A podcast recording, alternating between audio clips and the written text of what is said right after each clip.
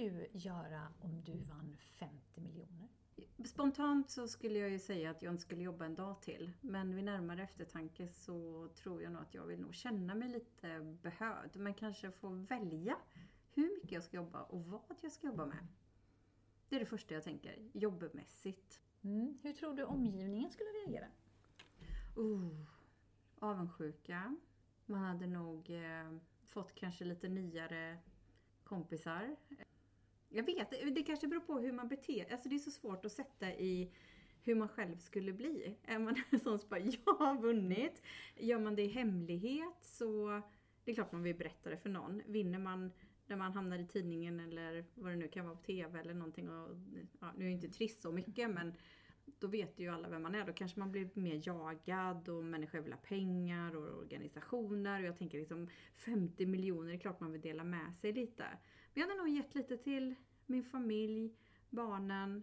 Jag hade nog eh, shoppat loss lite. Köpte köpt något eh, hus i Toscana kanske. Eh, köpt mig en, en eh, kock där kanske. Eh, ut och rest. Jag hade nog tagit, jo, ett halvårs ledigt för att landa. Sex månader är lång tid, men jag tror man behöver det för att veta vad man ska göra. Investera. Nu kommer det jättesnabbt. Vad hade du själv gjort? Jag tycker det är spännande. Jag hade väl gjort något liknande som du tror jag. Bara det här att få landa i, nu behöver man ju kanske inte ha vunnit 50 miljoner, man kanske har sålt ett företag eller mm. vad som helst, men att man helt plötsligt får otroligt mycket pengar på banken och hur man reagerar. Eh, och det är ju svårt att veta förrän den dagen man har det. Jag hoppas ju innerligt att jag har båda fötterna på jorden eh, och att lite det här som jag kan känna som en bra metod, det är liksom att eh, en tredjedel sparar man på banken. En tredjedel ger man bort, hur generös faktiskt, och kan ge till andra, för då får man så mycket tillbaka. Och sen också då en tredjedel att spendera på roliga saker oavsett om det är resor eller vad det nu är, man köper ett nytt hem eller sådär. Mm. För jag, jag, är ganska fascinerad när man får pengar för fort. Vad mm. är det som händer i hjärnan och vad händer med min attityd? Nu har jag ju varit med några resor Eh, där jag har varit nära människor som har eh, på olika sätt fått väldigt, väldigt mycket pengar både på kort tid men även kanske lite längre tid. Mm. Och har kunnat se förändringar hos dem men också förändringar hos sig själv. Sen är det inte så att alla förändras mm. när man får mycket pengar. Eh, mm. Så. Men jag tänker specifikt på, på vissa personer, eller personligheter skulle jag nog vilja säga, personliga drag som är gemensamt för de här som faktiskt kan bli nidbilden av, eh, av nyrika och att man är liksom skränig, oförskämd och eh, är så mycket mm. mer värd än någon annan. Mm. Sen så finns det ju en uppsjö med människor som har hur mycket pengar som helst som, som är så ödmjuka och. Som inte syns, inte hörs men skänker mm. jättemycket pengar till andra och bara lever sitt liv som en vanlig svensson om jag mm. uttrycker mig så. Fast man vet inte att de har så mycket pengar. Nej. Det är också intressant om någon som är, jag, jag tänker till exempel på ja, men Kamprad som har kommit med sin lunchlåda i plastpåsen. Nej men lite så, kommit i t-shirt och, och, jeans eller mysbyxor eller vad nu. Ja, man har hört lite olika skrönor. Om man blir som för snål mot sig själv och inte vill njuta lite. För jag menar, pengar underlättar ju. Så är det ju. Har man mycket tid och mycket pengar så är det ju bästa kombon på något sätt. Men just det här att, att inte kanske njuta utav det, vad man är rädd för eller att vara rädd för att bli utnyttjad eller manipulerad. För jag tror ju också att människor som outar att de har mycket pengar får ju oftast lite hangarounds. Som, som de vet, det är en person som alltid är ute kanske på krogen och ska bjuda och har eh, ett ihoptussat eh, umgänge på något sätt. Att man ser att eh, man finner inte en röd tråd. Sen kan man ju vara kompisar med olika för olika delar. Men när man märker att det är bara en som går och betalar och inte bjuder igen och, och de bitarna. Att, det, att man får skämta lite om att ja, men han har pengar eller hon har pengar. Och den personen säger ingenting utan jaha då får jag gå och betala igen. Alltså någonstans vill man ju skrapa lite på den ytan. Att, känner du att det här är dina nära vänner eller är du så jäkla ensam? Så att du vill jag tror man är ensam bara. Jag har ju träffat de människorna också och suttit på middagar och pratat eh, med de personerna som har eh, haft framgång och jobbat väldigt mycket och fått sålt sina företag och där man kanske har valt att behålla vänner från barndomen för att de känner en och de känner ens riktiga jag inom situationstecken. Mm.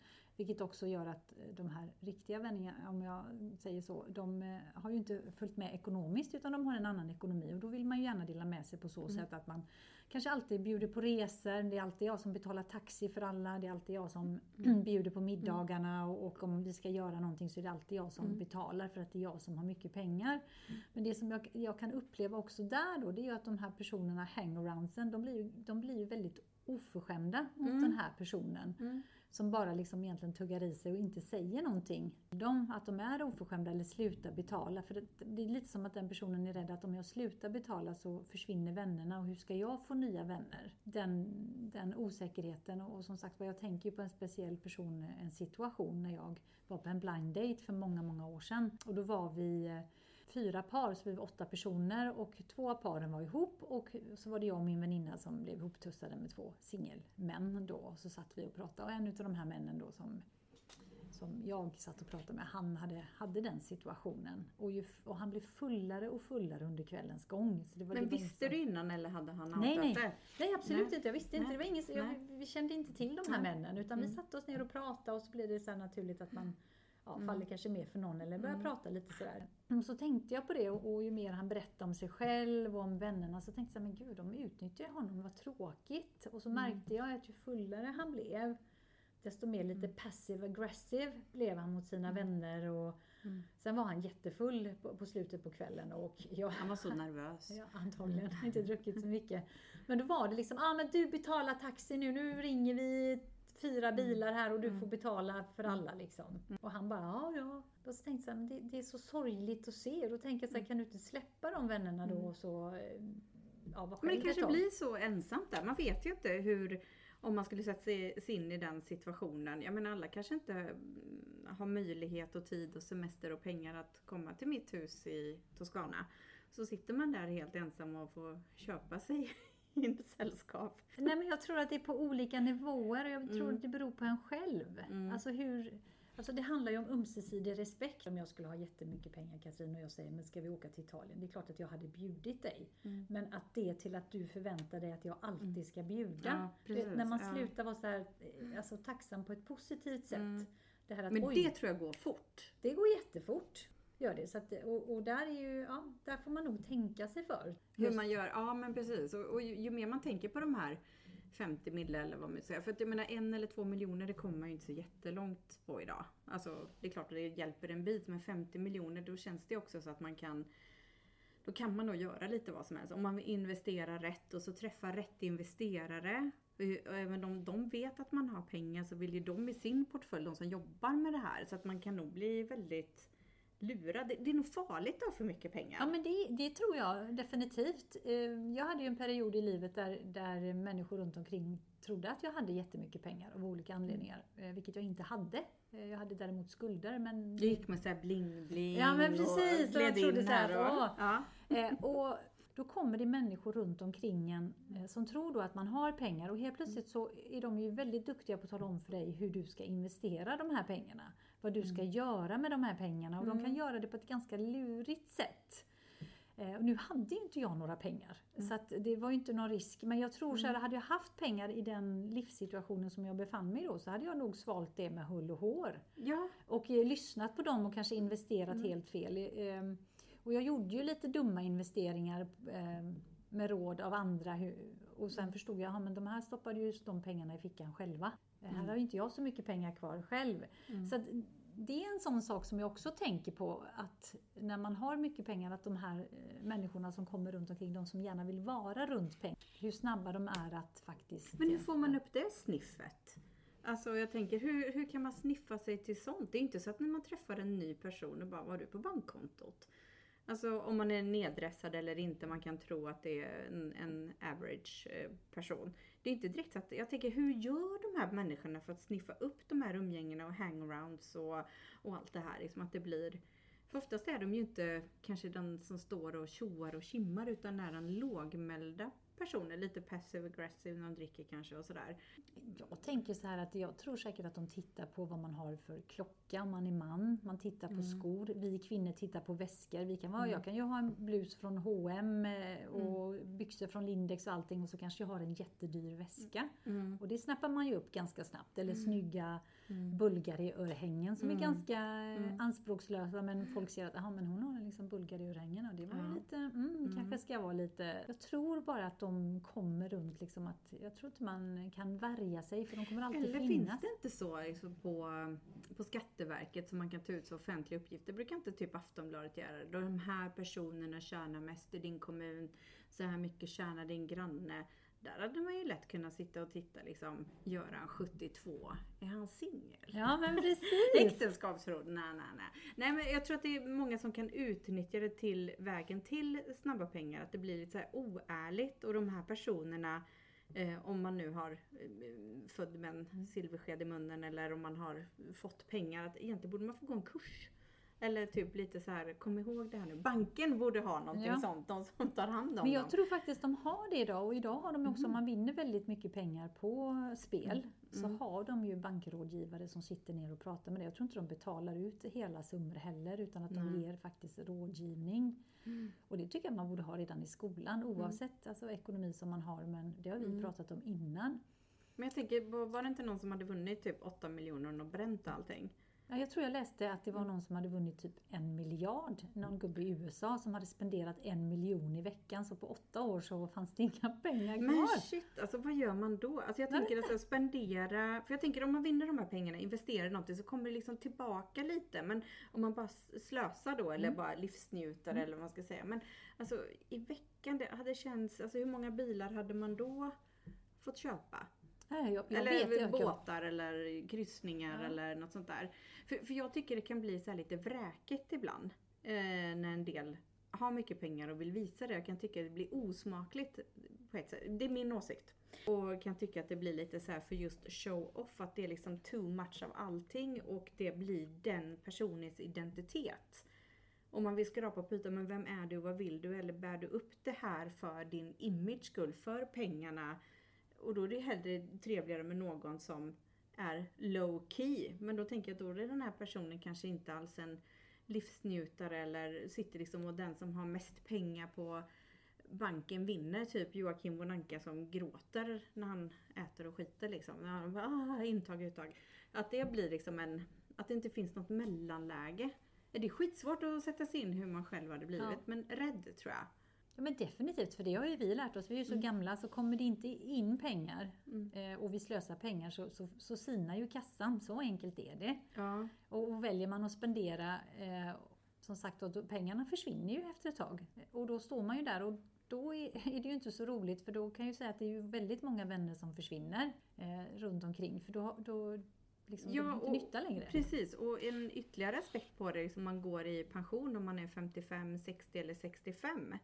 Och kanske inte har så mycket kompisar och ändå har eh, eh, pengar på banken för man liksom har sparat och gnetat och gnuggat och allt vad man har gjort. Och sen inte har någon. Och att bli så ensam där, är det då man skaffar sig hangarounds? En bra fråga. Jag, jag vet faktiskt inte. Jag, jag kan ju uppleva att de som jag känner i min närhet som har gått i pension tidigare, de har oftast vänner.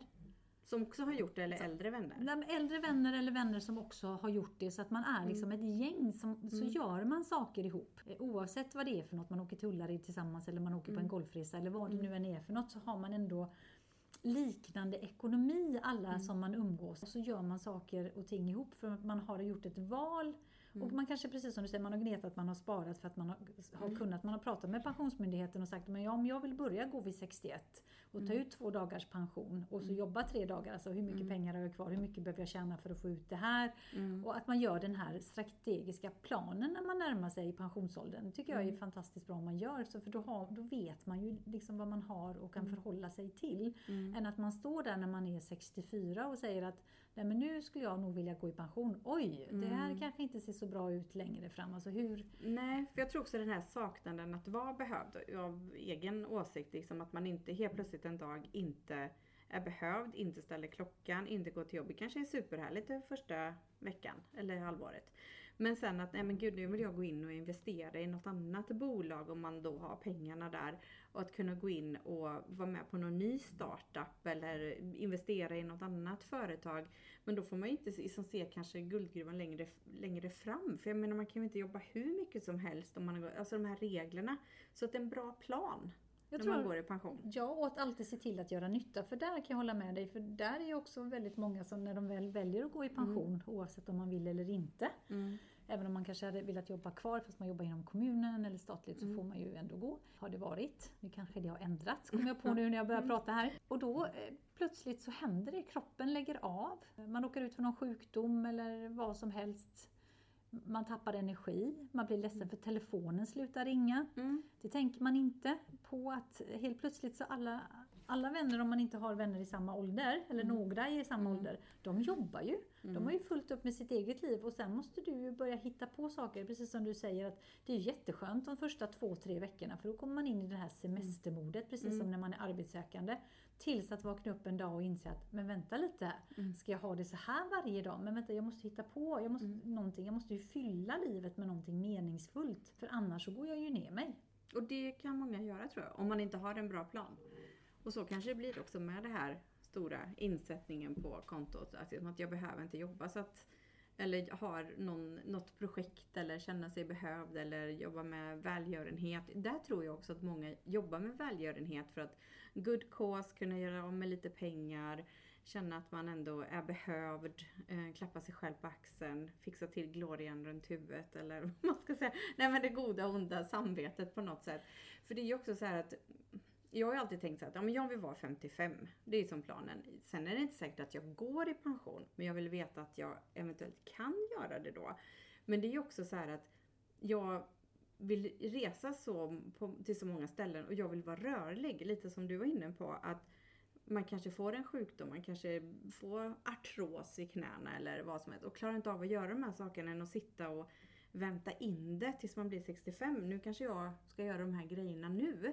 Men det, det är så svårt att avgöra. Man skulle vilja ha en liten spåkula för att se hur, hur är min hälsa om 15 år. Ja, det är svårt. Det är jättesvårt. Så att man undviker kanske att, att skrapa lite trist då under en period.